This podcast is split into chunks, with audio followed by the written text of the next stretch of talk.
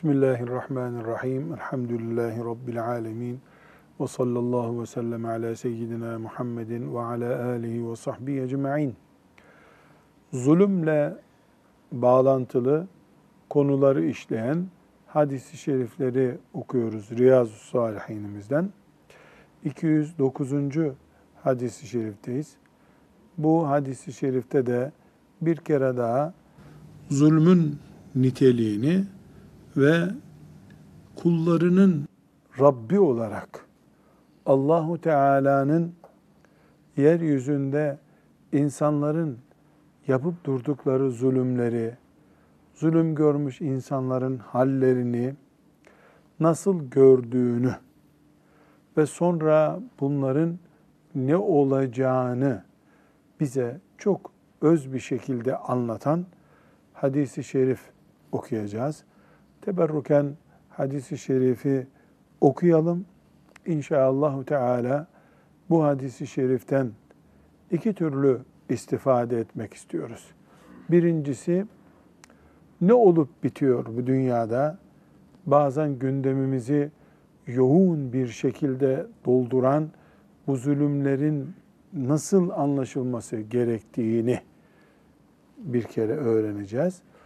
Bir de ikinci bir nokta olarak da bu hadisi şerif sayesinde kimseye zulmün kar olarak kalmadığını öğreneceğimiz için zulümden uzaklaşan bir hayat anlayışıyla yaşayacağız. Eğer bu iki şeyi sağlayamıyorsak bu 206. hadisi şeriften bizim bir hadis dinlememiz de gerekmiyor demektir. Yani Allahu Teala yeryüzünde zulüm yapıldığında bu zulmü görmüyor mu? Görüyorsa ne oluyor? Şeklindeki sorunun cevabını bulacağız. Mutmain olacağız. Başıboş kalmadığımızı öğreneceğiz.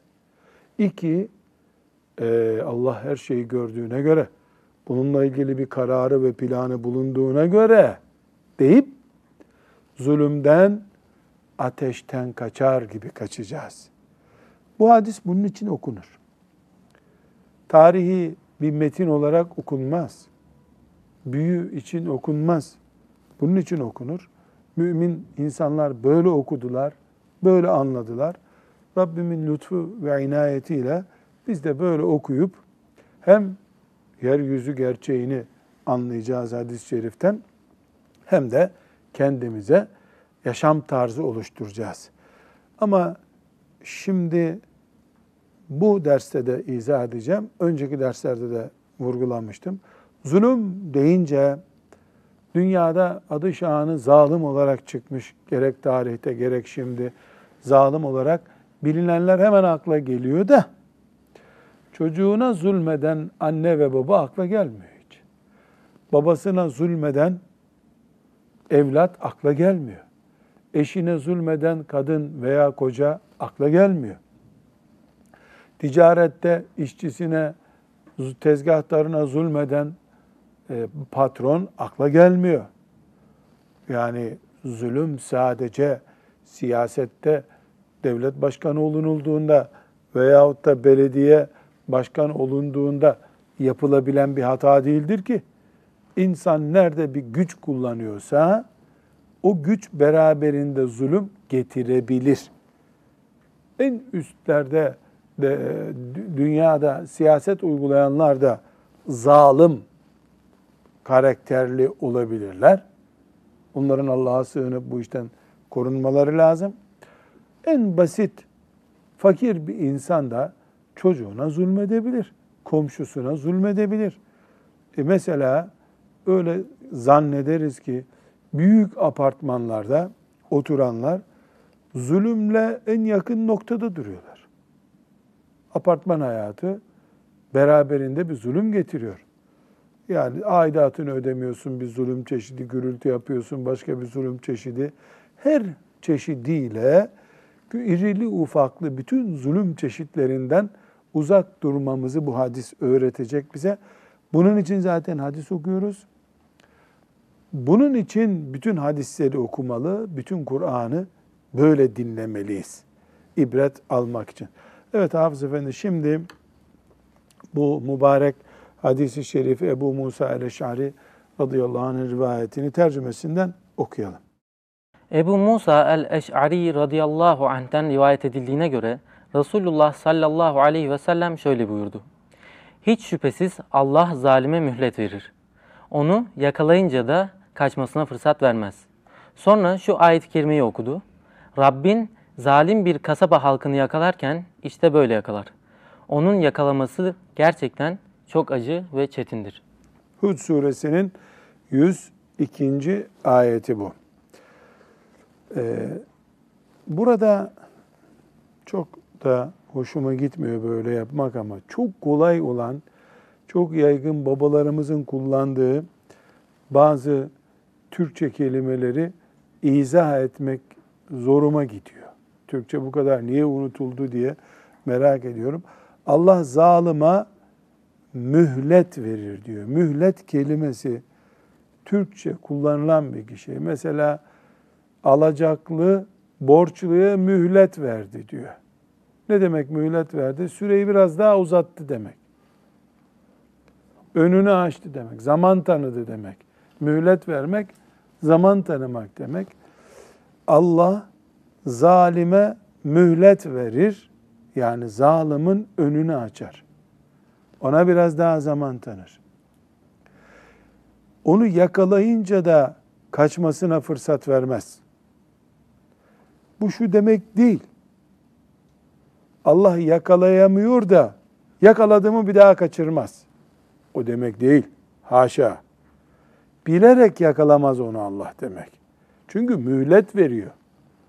Mühlet verdiğine göre Allah onu yakalamak istemiyor demektir. Mühlet verdiği için de kafire mesela işte 10 sene ona serbest dolaştırıyor Allah. 10 sene sonra yakalıyor. Yakalayınca da esnemek, kurtulmak şansı bir daha yok onun. Zalimin kafir değil ama bak kafir başka bir şey. Çünkü mümin de zalim olur. Erkek de zalim olur. Kadın da zalim olur. Talebe de zalim olabilir. Muallim de zalim olabilir. Zulüm herkesin işleyebileceği bir hatadır. Kim zalim olursa hemen zulüm yaptığından iki dakika sonra helak etmiyor onu Allah. Bir süre veriyor. Öğretmense onu iki sene, üç sene süre veriyor. Siyasetçi ise 15 sene, 30 sene süre veriyor. Açıyor önünü Allah. Sebeplerine konuşacağız. Ama o süreyi kaldırdı mı da Allah bir daha sana mühlet yok dedi mi ondan sonra işi bitti onun. Kapılar kapısına kap, kapandı ona demek artık. Bunu yani mühlet verir ne demek onu anladık. Sonra Efendimiz e, sallallahu aleyhi ve sellem pek çok kere yaptığı gibi bu söylediği sözü, bu hadisi şerifi Kur'an-ı Kerim'den bir ayete dayandı. Ve kederke ahdu rabbike ize ahadel kura ve ye zalime. Rabbin şu kasabaların insanlarını bir yakaladı mı da böyle yakalar işte. Yani mühlet verir. Hemen o gün ilk suç işlediklerinde helak etmez ama yakaladı mı da onun azabı şiddetlidir. Bu Hud suresinin ayetini de bu şekilde Efendimiz sallallahu aleyhi ve sellem daha iyi anlayalım, daha kolay anlaşılsın diye kendi konuşmasına ilave yapmış sallallahu aleyhi ve sellem Efendimiz. Şimdi bundan sonra Ebu Musa el-Eş'ari'nin hadisini bir daha virgüllerine, vurgulamalarına dikkat ederek okuver abi. Hiç şüphesiz Allah zalime mühlet verir. Onu yakalayınca da kaçmasına fırsat vermez. Sonra şu ayet-i kerimeyi okudu Efendimiz Aleyhisselatü Vesselam. Rabbin zalim bir kasaba halkını yakalarken işte böyle yakalar. Onun yakalaması gerçekten çok acı ve çetindir. Çetindir. Şimdi hadisimize dönelim. Hadisi şöyle kuş bakışı görmeye çalıştığımızda ortaya ne çıkıyor? Demek ki Allah zulüm yapılır yapılmaz hemen cezayı vermiyor. Zulüm yapılan ortamı zalimi bir miktar mühletli, esnek bir ortamda bırakıyor Allahu Teala. Nedenini konuşacağız. Müslüman insan yeryüzündeki zulümlere baktığında bu zulümler nerede olur? Almanya'da Hitler'in elinde olur. Yemen'de filancanın elinde olur. Irak'ta filancanın grubun elinde olur. Çin'de zalim Çin'in Komünist Parti'nin elinde olur. Ama namaz kılan bir Müslüman babanın elinde çocuklarına da zulüm yapılabilir. 80 yaşında bir baba çocuklarından zulüm görebilir. Orada da, Çin'de de, Almanya'da da, Yemen'de de her yerde kuralı aynı Allah'ın. Zulüm olan yere hemen yıldırım indirip helak etmiyor onları. Mühlet veriyor. Biz işte filan yerdeki Müslümanları bombalayarak öldüren ve oradaki çocukları denize atan zalimler bugün hemen denize atılsın, onları canavarlar yesin, gökten ateş düşsün, deprem olsun, boğulsunlar filan diyoruz ya biz. Niye diyorsun? Zulüm yaptılar diyoruz. E o zaman evlerinde karılarına zulmettiği için de milyonlarca Müslümanın o gece helak olması lazım. Madem zulme böyle bir kanun istiyorsun sen, Allah da böyle bir kanun uygulasa insan nesli bugüne kadar gelmezdi ki. Herkes evinde bir zulüm yapıyor. Yapabilir. Öğretmen bir zulüm yapıyor olabilir talebelerine. İmam efendi camide cemaatine zulmediyor olabilir. Komşu komşuya zulmediyor olabilir. Beşer olmak, dünya hayatı yaşıyor olmak, zulüm ortamı oluşturmaya müsait bir kavramdır. Onun için Allah'ın kanunu var. Nedir bu kanun? En büyük kuralı adaletim muhakkak bulur, gerçekleşir. Bu zaten ebedi kanunudur Allah'ın. Adalet yerini bulur. Adalet yerini bulur. Zalimle mazlumun arasında hak bir gün gerçekleşir. Bunda şüphemiz yok. Neden? Çünkü adalet Allahu Teala'nın sıfatlarındandır. Adil Allah'ın isimlerindendir. Bunda bir tereddüdümüz yok. Lakin meselemiz şu. Her zulüm helakle sonuçlansa e, bugüne kadar peygamberler hariç kimse gelemezdi. Bu sefer Allah'ın rahmeti devreye giriyor. Adalet var ama rahmet devreye giriyor. Nedir bu rahmet devre? Zalıma dönüş fırsatı bırakıyor Allah. U dönüşü yapabileceği güzergahlar bırakıyor. Tövbe fırsatı tanıyor. Saat 19'u 5 geçe zulmetti. 19.6'da ölmüyor, helak olmuyor insan. Niye? E, o zaman evlendiği gün bir hafta sonra zulmeden insanlar, karılar, kocalar hemen helak olur. Kim zulmettiyse kimse evli kalamaz o zaman. Herkes karısına, kocasına, çocuğuna şöyle veya böyle bir çeşit zulüm yapıyor. Ne yapıyor Allahu Teala? Bir gün zulmün çeşidine, cürmün ağırlığına göre belki bir sene, belki on sene, belki yirmi sene fırsat tanıyor. Nuh Aleyhisselam'ın oğluna kim bilir kaç asır fırsat tanıdı. Niye? Kıyamet günü tövbe kapısı sana açıktı diyecek ona allah Teala. Ama her günah işleyenin, zulmedenin iki dakika içinde kafasına yıldırım düşüp helak olması gibi bir şey ya da yer yarıldı, yerin dibine battı gibi olsaydı e o zaman peygamberler kalırdı dünyada. Onlar da kime peygamber olacaktı? Karun Musa aleyhisselam ne kadar sabretti ona? Böyle üç dakika sonra helak olmadı. Yerin dibine battı gitti Karun ama epey de bir vakit geçti. Epey de bir vakit geçti. Zalim gözü kör adam demektir. kulağı duymaz adam demektir. Onun için Allahu Teala zalıma gözünü açacak kadar fırsat veriyor. Kulağını daki tıpayı çıkaracak kadar fırsat veriyor. Allah zalime mühlet verir. Bu demek. Bu mühlet al sana fırsat git istediğin kadar zulmet diye değil. Bak zulmettin tövbe et. Git helalleş diyedir. Bu Allahu Teala'nın uyguladığı siyasetidir kullarına. Böyle bir düzen kurmuş Allahu Teala. Bu burada anlıyoruz ki biz Allah haşa zalimi görmüyor. Zalim de bu görünmezlik ortamında yapabildiğini yapıyor. Öyle değil. Görmez olur mu Allah? Zalim yapmadan da Allah biliyordu onun zulmedeceğini. Bırak görmeyi sen.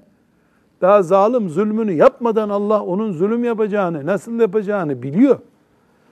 Ama bu dünyada bir rol paylaşımı var.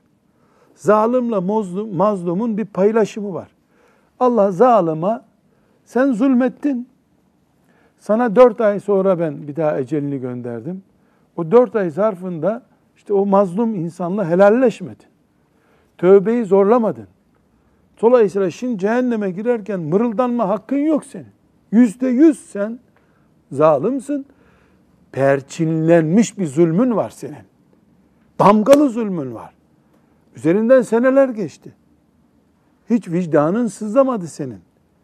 Diyeceği ortamdır allah Teala'nın. Bu oluşturdu. Yoksa mühlet vermesi zalimler çok kalabalık. Yetişmiyor meleklerin görevi. Haşa böyle değil.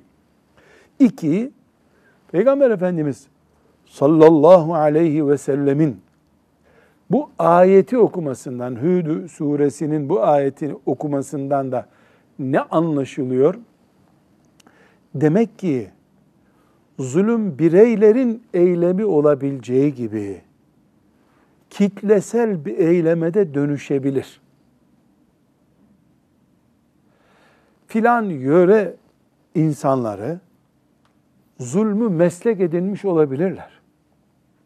Erkekler topluca kadınlara zulmediyor. Böyle bir pozisyon oluşabilir. Kadınlar ellerine geçirdikleri fırsatla topluca bütün erkekleri imha etmeye çalışıyorlar. Böyle bir zulüm çeşidi olabilir. Hem hangi çeşidiyle olursa olsun, bireysel bir zulüm, kitlesel bir zulüm, hangisi olursa olsun zulüm çeşidinin farkı yok. Ne dedik? Siyasetle zulüm yapan için de aynı, diğeri için de aynı. Ve netice olarak ne diyoruz? Allah unutmuyor. Adaletini gerçekleştiriyor. Hadis-i şeriften öğreniyoruz. Allah'ın adaletini gerçekleştirmesi ne demek peki? Zalama mühlet vermesi demek. Allahu Teala'nın hemen cezalandırıp nesilleri, insanı sanki cehennem için yaratılmış gibi tutmaması demektir. Evet, bu hadisi şeriften inşallah bu mübarek dersleri çıkardık. E, Rabbim zulümden, ateşten kaçar gibi kaçmayı hepimize kolay kılsın diye dua ediyoruz. Ne yapıyor Allah yeryüzünde? Niye zalıma fırsat veriliyor? Karun'a niye fırsat verildi? Firavun'a niye fırsat verildi? Bunu da idrak edecek şuurumuz. Çocuğunu zulümle yetiştiren babaya niye fırsat veriyor Allah? Kadına zulmedene niye fırsat veriyor Allah? Peygamberlerine eziyet eden zalimlara niye nefes aldırttı Allah bu dünyada? Niye nefes aldırttı? Bunu idrak etmemiz için de bu hadis-i şerif önemli bir pozisyondur. Şimdi 210. hadis-i şerife geçebiliriz. Muaz radıyallahu anh şöyle dedi. Resulullah sallallahu aleyhi ve sellem beni yönetici olarak Yemen'e gönderdi ve şunları söyledi. Sen kitap ehli olan bir topluma gidiyorsun. Onları Allah'tan başka ilah olmadığına ve benim Allah'ın Resulü olduğuma şahitlik etmeye davet et. Eğer onlar bu davete uyup itaat ederlerse Allah'ın kendilerine her bir gün ve gecede beş vakit namazı kesin olarak farz kıldığını bildir. Şayet buna da itaat ederlerse Allah'ın zenginlerinden alınıp fakirlerine verilmek üzere kendilerine zekatı mutlak surette farz kıldığını bildir. Buna da itaat edip uydukları takdirde onların mallarının en gözde ve kıymetli olanlarını almaktan sakın. Mazlumun bedduasını almaktan da son derece çekin. Çünkü onun bedduası ile Allah arasında bir perde yoktur. Muaz radıyallahu anh ashab-ı kiramın öndeki isimlerinden biri. Rabbim şefaatine ereceğimiz yerlerde bizi onunla buluştursun. Resulullah sallallahu aleyhi ve sellem onu Yemen'e göndermiş. Bir kişi tek başına İslam dinini öğretmek üzere ve Müslüman olunca da onlar yönetilmek üzere, yönetmek üzere Yemen'e gönderiyor. Bu hadis-i şerifte Efendimiz sallallahu aleyhi ve sellem ona yol esnasındaki ya da oradaki görevi esnasındaki uslubunu tanıtıyor. Burada Nebevi'nin 210. hadisi şerif olarak Riyazu Salihine koymasının nedeni zulümden kaçınması, mazlumun bedduasına dikkat etmesi gerektiğini uyardığı için buraya gelmiş. Şimdi biz bundan tam 1430 sene önce Resulullah sallallahu aleyhi ve sellem Efendimiz bir sahabisini Medine'den Yemen'e gönderiyor. Onlara İslam böyledir diye öğret diyor. Şimdi göreceğiz. Bir kademelendirme yapıyor Efendimiz. Bundan çok anlamlar çıkıyor. Bu anlamlardan bir tanesi de Muaz bir kişi gitti Yemen'e. Kalabalık bir heyetle gitmedi. Bir kişi gitti. O bir kişiyle İslam Yemen'e taşındı. Şimdi o bir kişiye itiraz edip insanlar heyet olarak değil de heyet rapor istemiştik biz diyemezlerdi. Demek ki Kur'an'ımız, Resulullah sallallahu aleyhi ve sellem Efendimizin hadisi şerifleri, iman esaslarımız bir kişi tarafından taşınabilir bir yüktür. İnanan, iman eden içinde bir kişinin sözüne iman etmekte bir sıkıntı yok. Peygamber de bir kişi zaten. Ashabı da bir kişiydiler gittikleri yerlerde. Beş kişi gittikleri de oldu ama Muaz'ı tek gönderdi Efendimiz sallallahu aleyhi ve sellem. Burada Muaz radıyallahu anha bir çalışma takvimi vermiş. O takvimi okuyup inceleyelim. Şimdi kardeşimiz bir daha okusun bakalım. Yemen'e giderken sen kitap ehli olan bir topluma gidiyorsun diye başlıyor. Evet. Sen kitap ehli olan bir topluma gidiyorsun. Onları Allah'tan başka ilah olmadığına ve benim Allah'ın Resulü olduğuma şahitlik etmeye davet et.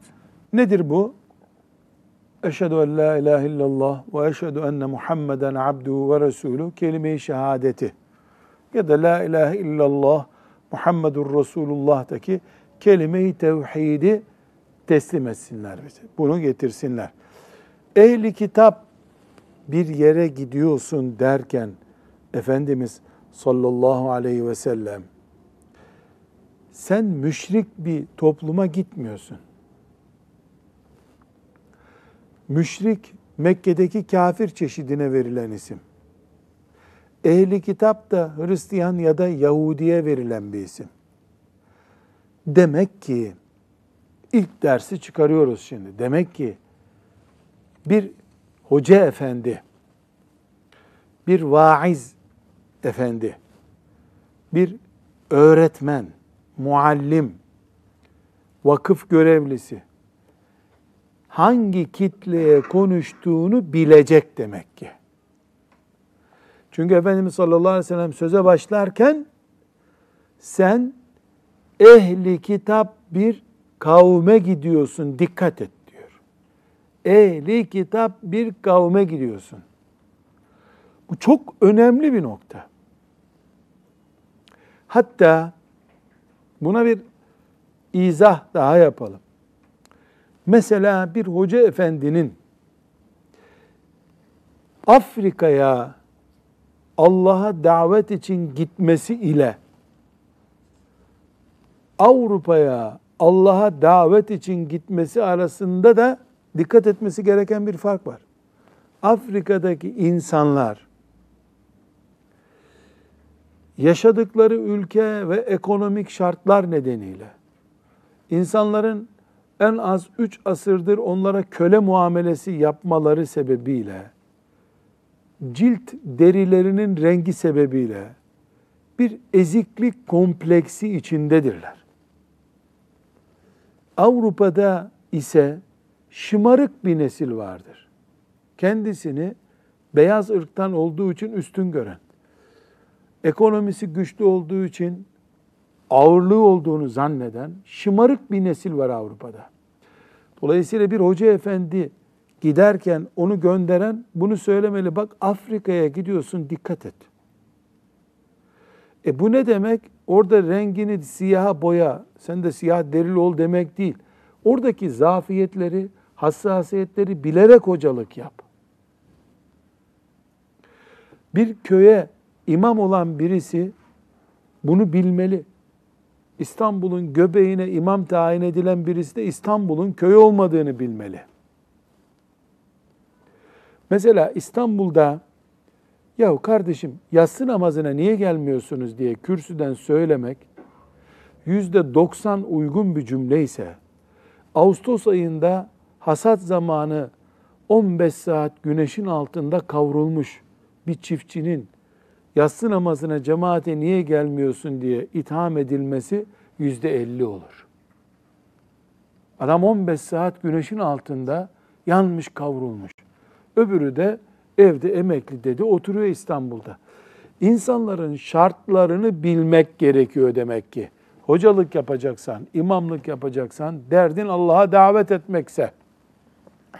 Bunu da Muaz'a ders olarak söylüyor Resulullah sallallahu aleyhi ve sellem Efendimiz. Gidiyorsun bak onlar Hristiyan ha dikkat et diyor.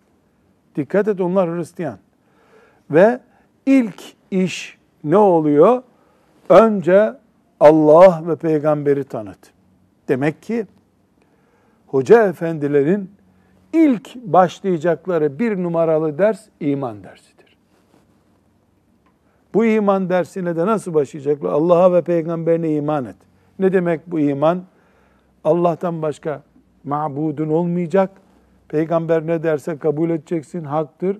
Kabul etti mi? Heh, şimdi sırayla görevler gelecek.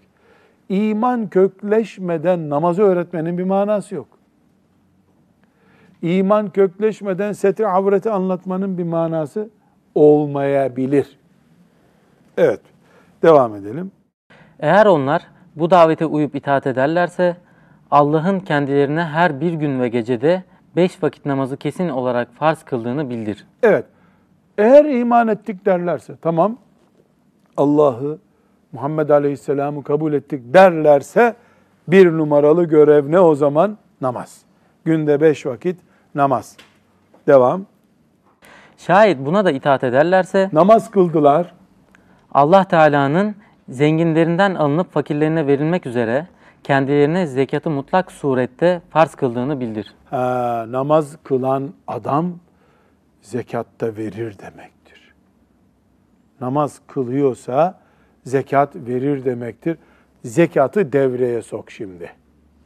Devam. Buna da itaat edip uydukları takdirde onların mallarının en gözde ve kıymetli olanlarını almaktan sakın. Şimdi zekat alma hakkın var. İslam devletinin valisisin. Zekat alabilirsin. Alacaksın. Nedir onun sana ödemesi gereken? 40 koyundan bir tane koyun. Bu koyunun damızlık olanları var. Mesela 2000 lira yapıyor. Bir de cılız bir koyun var 500 lira yapıyor. Sen şimdi devletin temsilcisi olarak bir koyun alacaksın. O 2000 liralık koyunu da alabilirsin. Yetkin var. 500 liralık koyunu da alabilirsin. Gidip de adamın damızlık koyununa saldırma. Neden? Zekat verir ama gözü de o zekatta kalır onun. Madem 500 liralığını da verse yetiyor, 500 liralığını al sen. İdare ediver. Demek ki yani eline yetki geçti senin İslam devletinin valisi oldun diye bu yetkiyi abartarak, abanarak kullanma. Kime söylüyor Resulullah sallallahu aleyhi ve sellem Efendimiz? Peki ben bunu nerede kullanacağım? Şurada kullanacağım. Öğretmen oldum. Yurtta vakıf sorumlusuyum. Veya işte filan yerde belediyeciyim. Kuralların getirdiği bir konu var. Bir iş yaptırıyorum. Onu üç olarak da yaptırabilirim. sekiz olarak da yaptırabilirim. Arada esnek bir beş prim var. Bu esnek durumu muhataplarımın durumuna göre değerlendirmeliyim. Yani bir kere ben yetkilendirildim.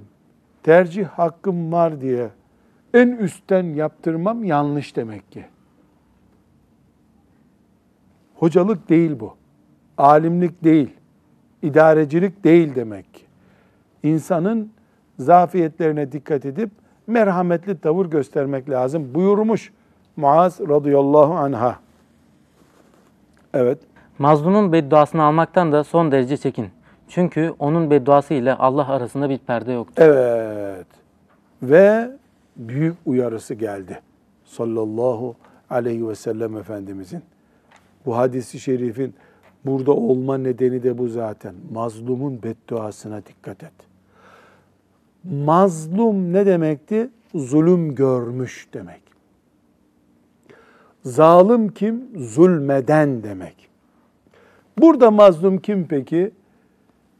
Damızlık koyunu alınan adam. Mazlum duruma düşürdün adamı. Veya sen yöneticisin, herhangi bir noktada yaptığın zulüm. İlla zekatta yapılacak zulüm değil. Peygamber sallallahu aleyhi ve sellem seçkin adamlarından birisini büyük bir devleti teslim almaya gönderiyor. Onları imana davet etmesini istiyor. Namaz vesaire diğer ibadetleri emrediyor. Fakat bu arada ona hassas noktalar da öğretiyor. Mesela ne diyor? Karşındakilerin Hristiyan olduğunu unutma. Dikkat et diyor. Önce imandan başla diyor. Ve bu imandan başladığına göre sen öbürüne geçerken bu bitmiş olsun. Yani iman gerçekleşmiş olsun. Bitir. Namaza geç. Namaz kılınmış olsun. Zekata geç. Buyuruyor sallallahu aleyhi ve sellem Efendimiz. Bundan çok net bir kural çıkarıyoruz. Kuralımız şu. Demek ki Müslümanın konu olarak bir listesi olur. Öncelikli iş listesi. Öncelikli iş listesi olmayan hoca efendi başarısız bir hoca efendidir. Ramazan günü oruç öncelikli bir konudur. İnsanların kul hakkına riayet etmediği, herkesin birbirinin tarlasını bozduğu bir köyde kul hakkı öncelikli bir konudur. Öncelikli iş listesini yöreye göre, zamana göre belirleyen insan hoca efendi insandır.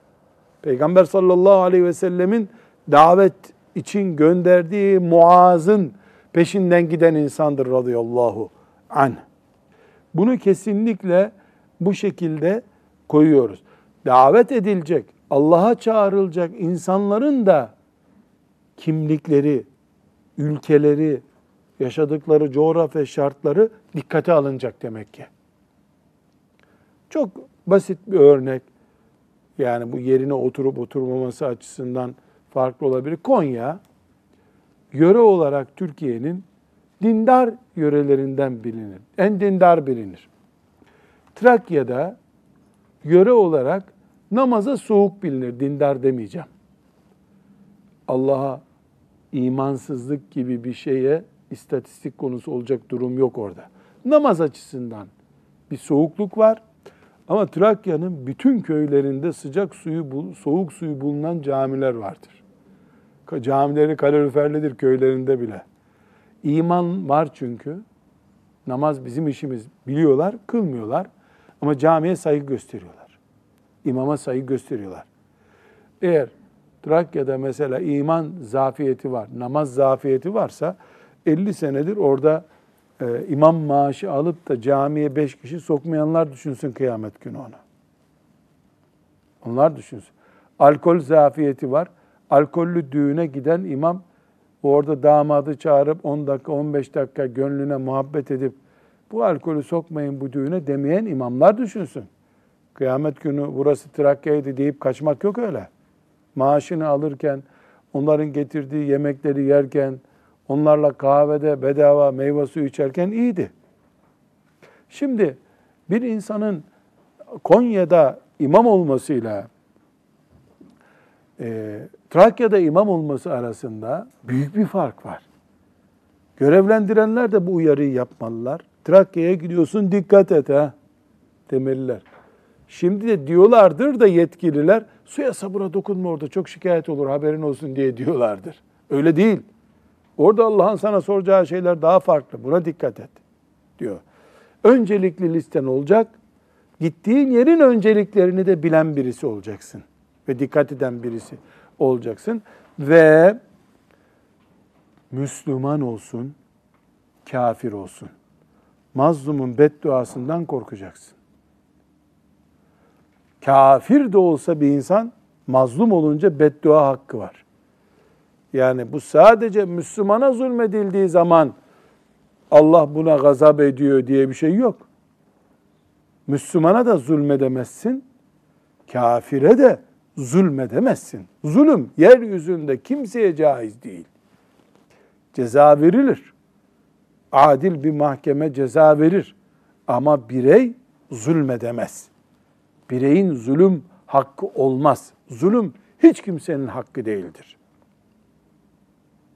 Bir kadının boşanmayı hak etmiş olması mümkündür.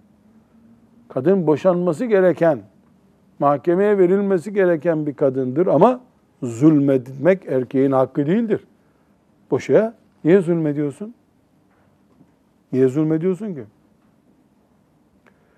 Bu sebeple bu hadisi şerif Muaz radıyallahu anh'ın lisanından sevgili peygamberimiz sallallahu aleyhi ve sellemin ona ne güzel bir çalışma takvimi çıkardığını bize gösterdi.